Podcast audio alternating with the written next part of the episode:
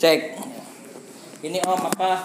Kita kan punya Ini udah direkam. media sosialnya podcast. Jadi basicnya audio sih Om. Heeh. Gitu. Jadi kita mau ngobrol-ngobrol sih Om tentang pelayanan. Oh. Oke. Tapi Ip, Mau ngobrolin apa? apa aja sih Om? Jadi sebenarnya sih ini sih Om ngobrol-ngobrol santai gitu aja sih. Iya. Jadi eh, sekarang lagi sama pendeta Yanu. Kita lagi di mana Om? Kita lagi di DKI, DKI. DKI Kabupaten Yahukimo, Yahukimo. DKI Ibu Kota Kabupaten Yahukimo. Yahu Kimo. Ya, Iya di, Di Papua Pegu- Papua ya. Papua, pegunungan mana ya? Nggak tahu Jaya. Wijaya kan? Iya. Iya. Dalam rangka apa Om nih?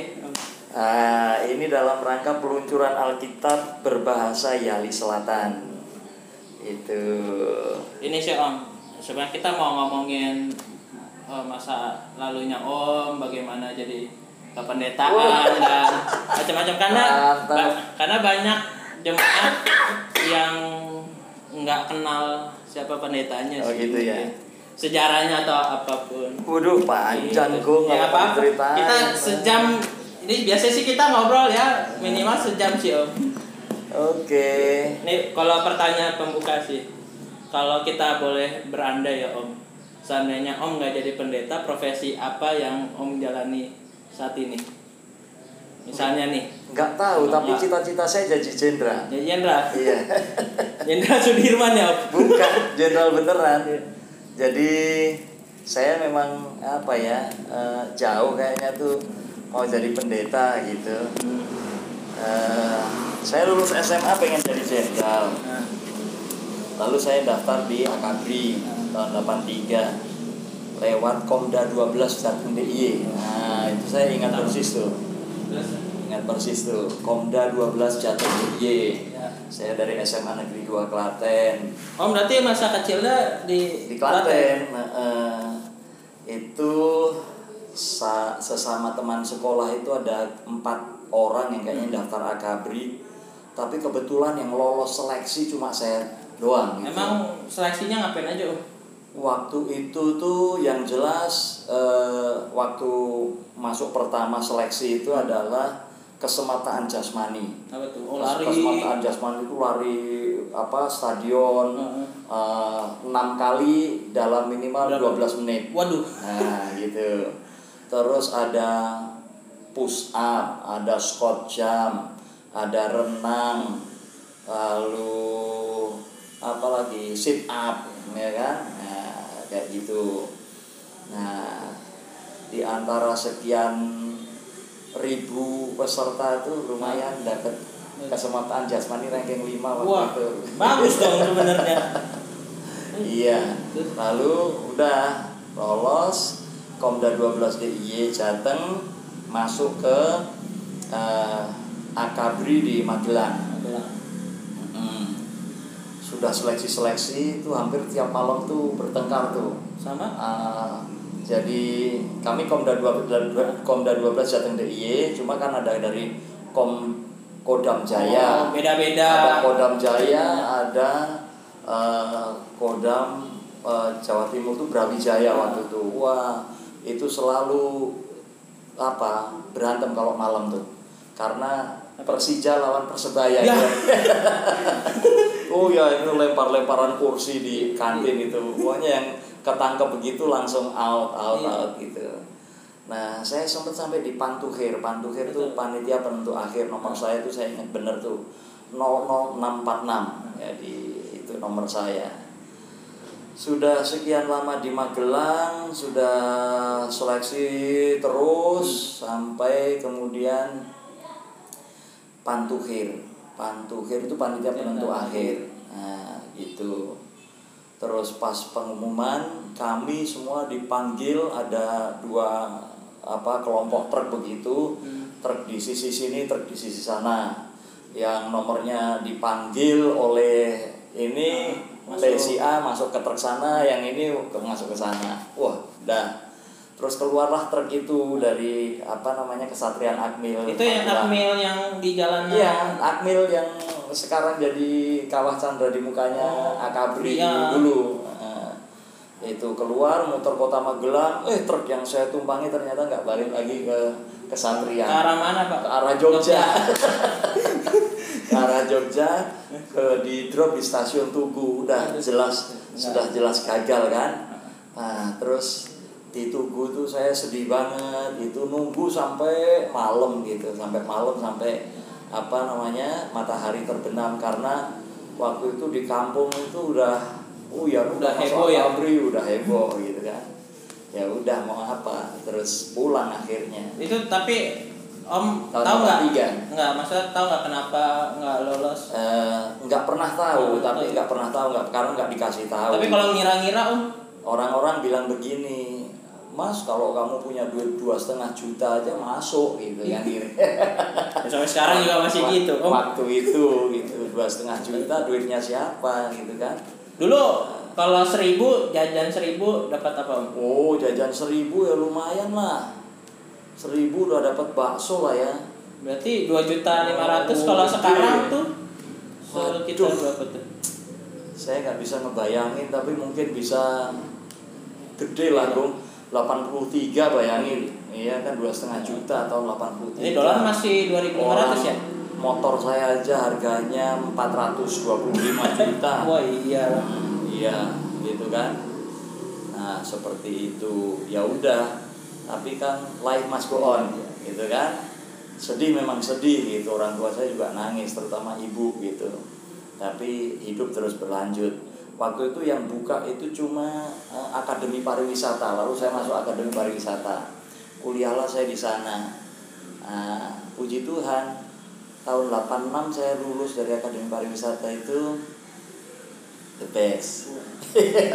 Hebat ya Om, bagus-bagus semua. lumayan. Nama saya sempat masuk koran kedaulatan rakyat. Iya kedaulatan rakyat.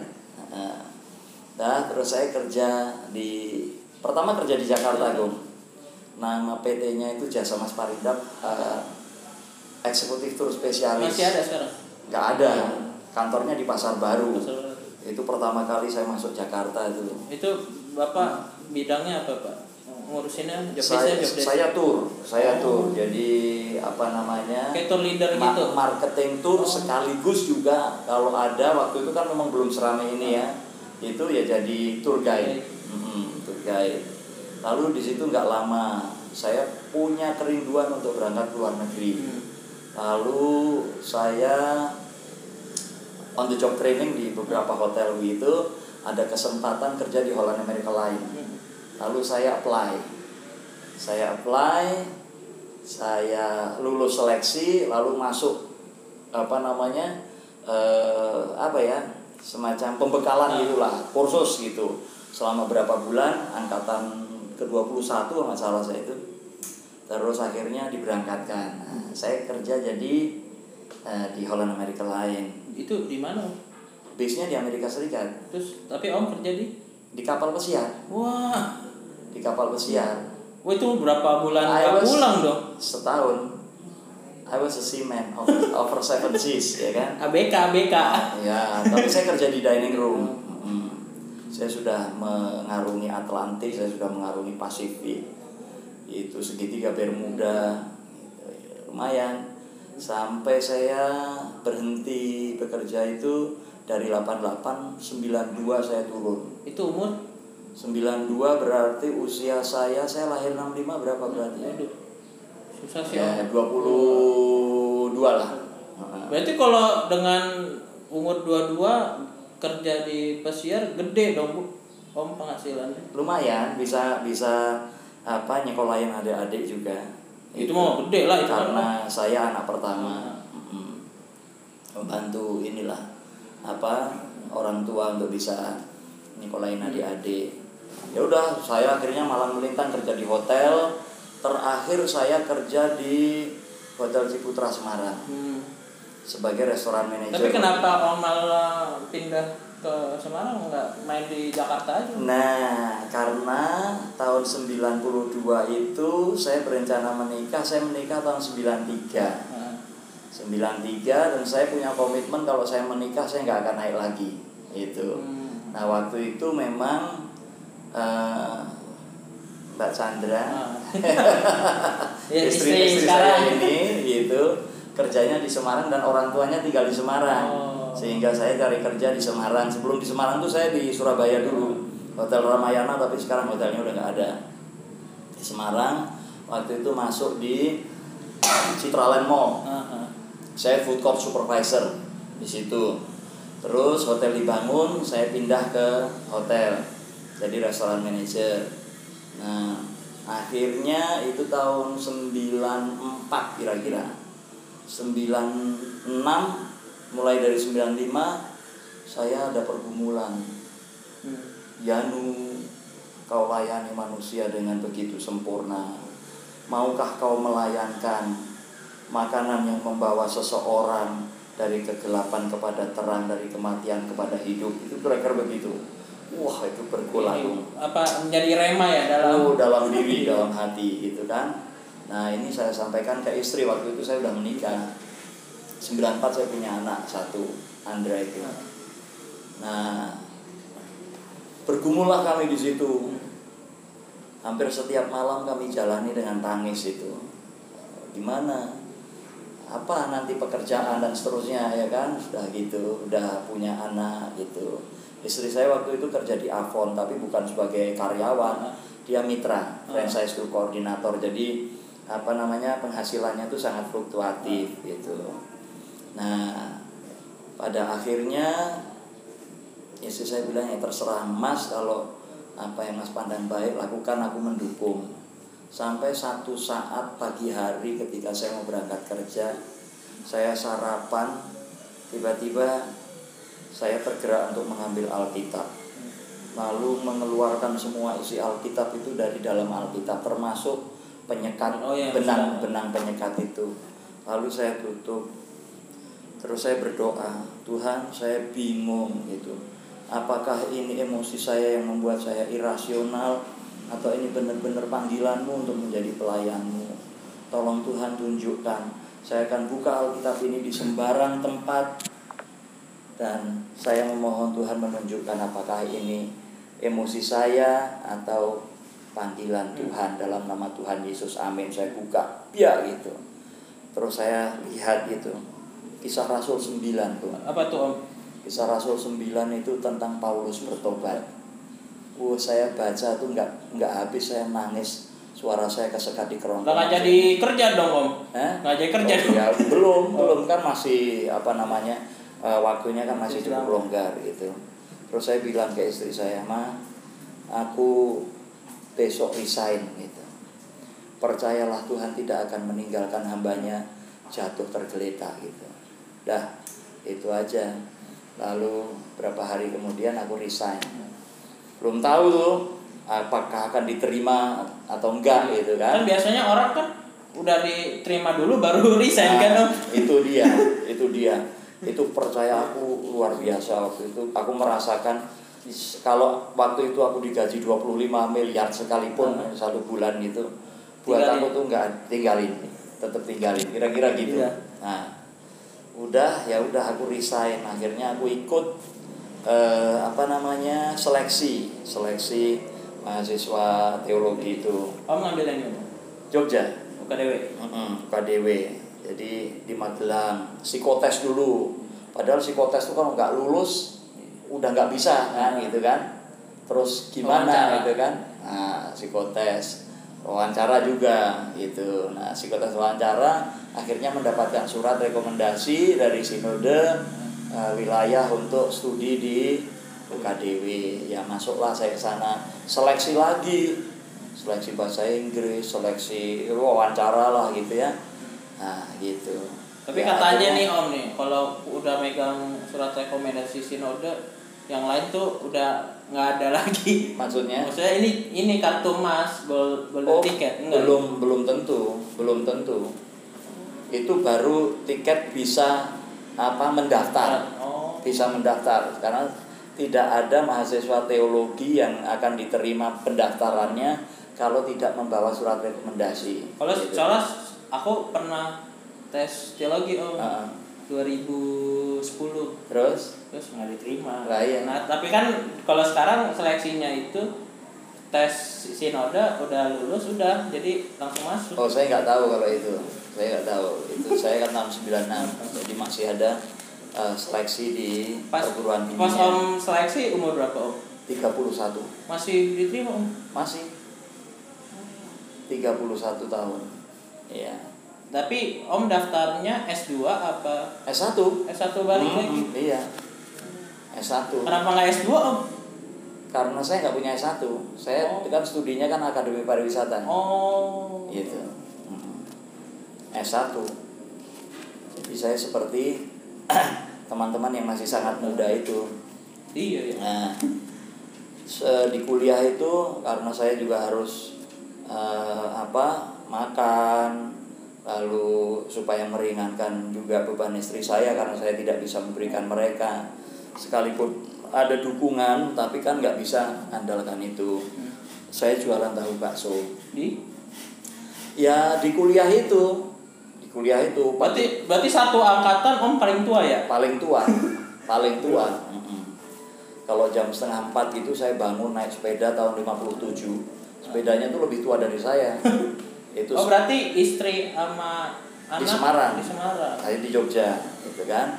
Saya ke pasar Demangan sana cari daging cari tahu terus macam-macam gitu. Saya buat dulu sebelum kuliah itu nanti apa masuk jam pertama terus Hmm. apa setelah itu balik lagi ke kos Jualan. apa namanya keliling apa nitipin tahu bakso itu ke warung-warung gitu nanti sore udah habis kuliah itu nyamperin lagi ngitung ngambilin duitnya gitu. Pernah ngamen juga diusir dari halaman orang dianggap kurang ajar karena buka pintu gerbang gitu. Udah udah biasa lah gitu ya.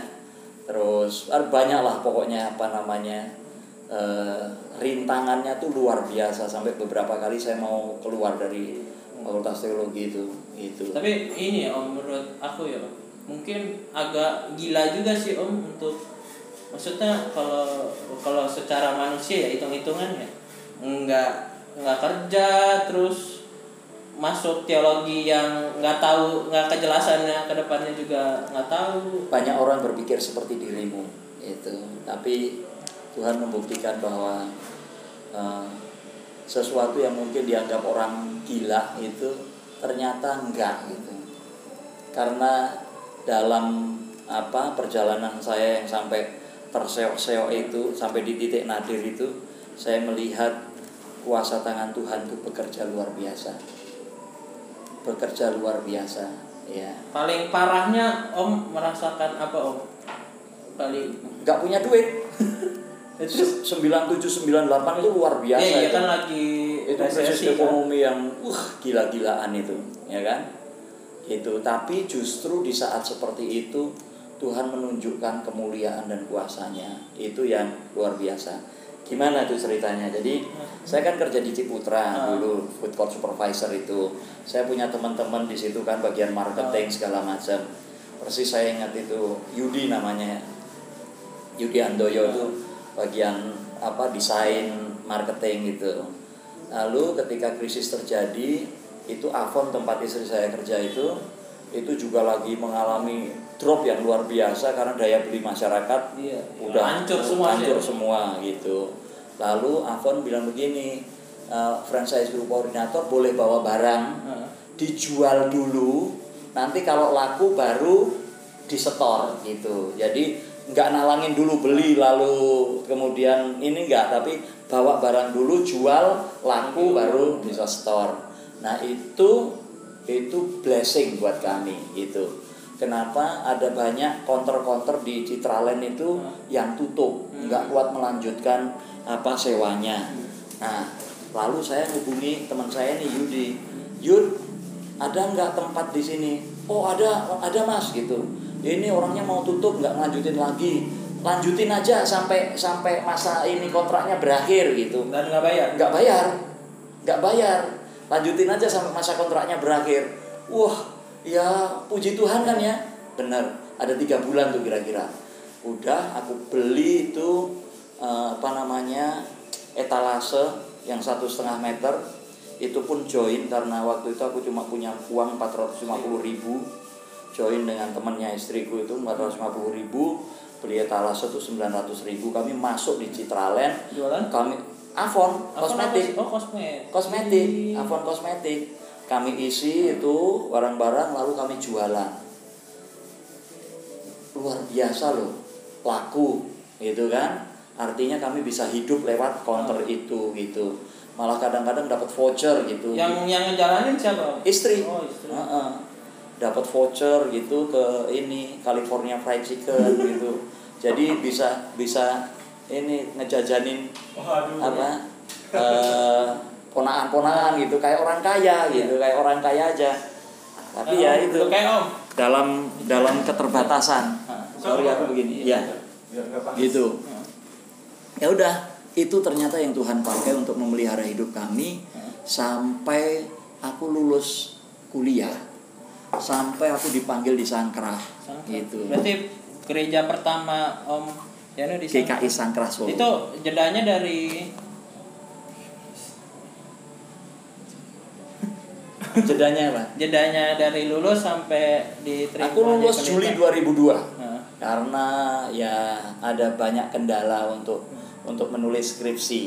Akhirnya lulus 2002 bulan Juli aku apa namanya ujian dinyatakan lulus lalu bulan Oktober aku dipanggil Oh. untuk melayani di Sangkrah itu bulan Oktober 2002 Sangkrah mana sih? Solo Oh, Solo. Nah, itu nah itu jemaat pertama aku melayani sampai kemudian tahun 2011 akhir Hmm.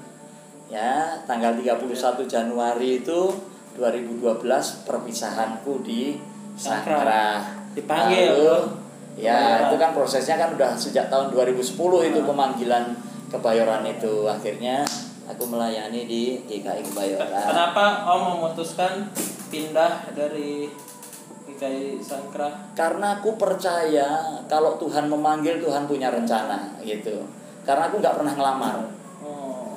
aku nggak pernah ngelamar ke mana-mana tapi itu jemaat memanggil pertama kali jemaat GKI Sangkrah aku pergi ke Sangkrah kemudian sebetulnya ada beberapa jemaat yang memanggil juga gitu tapi masih incognito aja gitu yang yang paling Betul. ek- eksplisit eksplisit mengungkapkan adalah GKI Kebayoran Baru gitu jadi aku merespon ini gitu Nih, mungkin ini ada pertanyaan sih, Om. Apakah Om yang dulu pernah kerja di maksudnya bukan pendeta terus Loh, iya aku masuk ke iya maksudnya itu Iya. jadi pendeta apakah membuat pola pikirnya lebih berbeda atau Oh, yang jelas eh, orientasi hidupnya itu bukan soal materi lagi. ya karena Iya. sudah selesai ya Itu orientasi hidupnya bukan soal materi. Kalau Tuhan memberikan sesuatu yang mungkin dianggap oleh orang lain lebih dari orang lain atau ini itu berkat buat saya, itu berkat. Itu, itu saya yakini sebagai bagian dari rencana Tuhan dalam perjalanan hidup saya. Nah itu aja. Terus- maka maka saya punya prinsip begini aku ini hamba aku hanya mengerjakan apa yang tuanku minta untuk aku kerjakan gitu. Maka aku kerjakan sudah. Itu cukup. Gitu. Terus ini pertanyaan standar sih om Eh, hal yang paling hal yang paling terkesan selama pelayanan Pak Yanu jadi pendeta apa sih om apa ya? Mungkin ini ya. Eh, beberapa kali dimanfaatkan oleh orang ya. Mungkin ini dimanfaatkannya baik apa buruk nih om? Ya biasanya sih soal ini. Kalau mengeluh terus soal uang saya Ah. begini begitu begitu. Ceritanya pokoknya dramatis gitu. Sehingga karena karena saya ingin menolong dalam kondisi seperti itu ya saya mencoba untuk sebisa mungkin kemudian memberikan solusi bagi mereka termasuk juga ini. Tapi saya nggak tahu juga apakah apakah memang itu seperti itu atau dimanfaatkan gitu ya kan? Jadi itu kemungkinan gitu. Ya andai kata dima- dimanfaatkan juga buat saya ya oke oke aja wong niat saya Baik, ya. baik itu aja udah. Ini sih ini pemikiran saya sih om tapi nggak tahu ini salah apa benar ya. mungkin orang yang sudah awalnya dulu di maksudnya di kerja biasa terus masuk ke pendetaan sama orang yang awalnya dari awal pendeta mungkin pola pandang terhadap dunia mungkin berbeda karena belum merasakan menjadi manusia normal hitungannya ya om. Jadi menurut aku sih kalau om pola pandangnya sudah apa ya berbeda dengan pendeta lain sih om. Karena karena pendeta lain kan belum pernah merasakan kerja di dunia biasa kayak kita kita ya. No comment no no comment. Iya.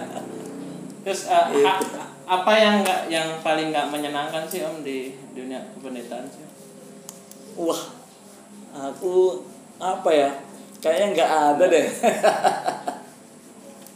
Menyenangkan aja. iya. Iya bahwa ada dinamika itu biasa. Setuju tidak setuju orang seneng orang nggak seneng karena memang kita tidak mungkin menyenangkan hati semua orang gitu. Jadi ya ya memang seperti itulah itulah dinamika pelayanan. Jadi nikmati aja. Palingan uh, apa lagi? Aku mau nanya apa lagi? Ada yang mau diceritain lagi nggak mas selama perjalanan? Oh, panjang banget di perjalanan om. Nanti aja kalau kamu nanya lagi soalnya ini eh, podcast ini aku buat sebenarnya memang buat menjangkau orang-orang yang yang nggak ada waktu. Bisa bisa kan kita dengerin audio aja ya kan. Kalau dengerin video eh kalau liatin video kuotanya mahal gitu. Kayak setiap PA pemuda kita rekam terus kita masukin ke oh. podcast. Bagus lah. Itu termasuk alternatif. Iya iya alternatif. Ada yang Pelayanan. iya om mau sampaikan lagi om Oh iya nih, buat pemuda-pemudi nih, aku kadang-kadang sering kali apa sedih, bukan kecewa tapi sedih. Kenapa? Kalau ada pemuda atau pemudi yang tadinya aktif gitu, eh, lalu tiba-tiba karena pasangan hidup meninggalkan Tuhan, wah itu paling sedih itu deh. Jangan deh gitu. Ini bukan soal agama, bukan soal agama, tetapi ini soal? Keselamatan. Nah, anugerah keselamatan. Jadi buat saya itu jauh lebih penting nah, bandingkan apa pun juga itu ya ada satu uh, judul lagu I Will Not Deny Jesus Ah. itu luar biasa sekali. Uh, seorang gadis Afrika dia diminta untuk mengingkari Yesus tapi sampai akhir hayatnya sekalipun dia dibunuh sekalipun dia kehilangan nyawa sekalipun dia kehilangan seluruh hidupnya dia bilang aku tidak akan mengingkari Yesus I will not deny Jesus udah itu aja Ya, oke. Terima kasih. Jadi sampai ketemu di apa ya obrolan berikutnya sih Om. thank you Gong Ya, sampai terima kasih Pak Yanu. thank you thank you Gong Ya.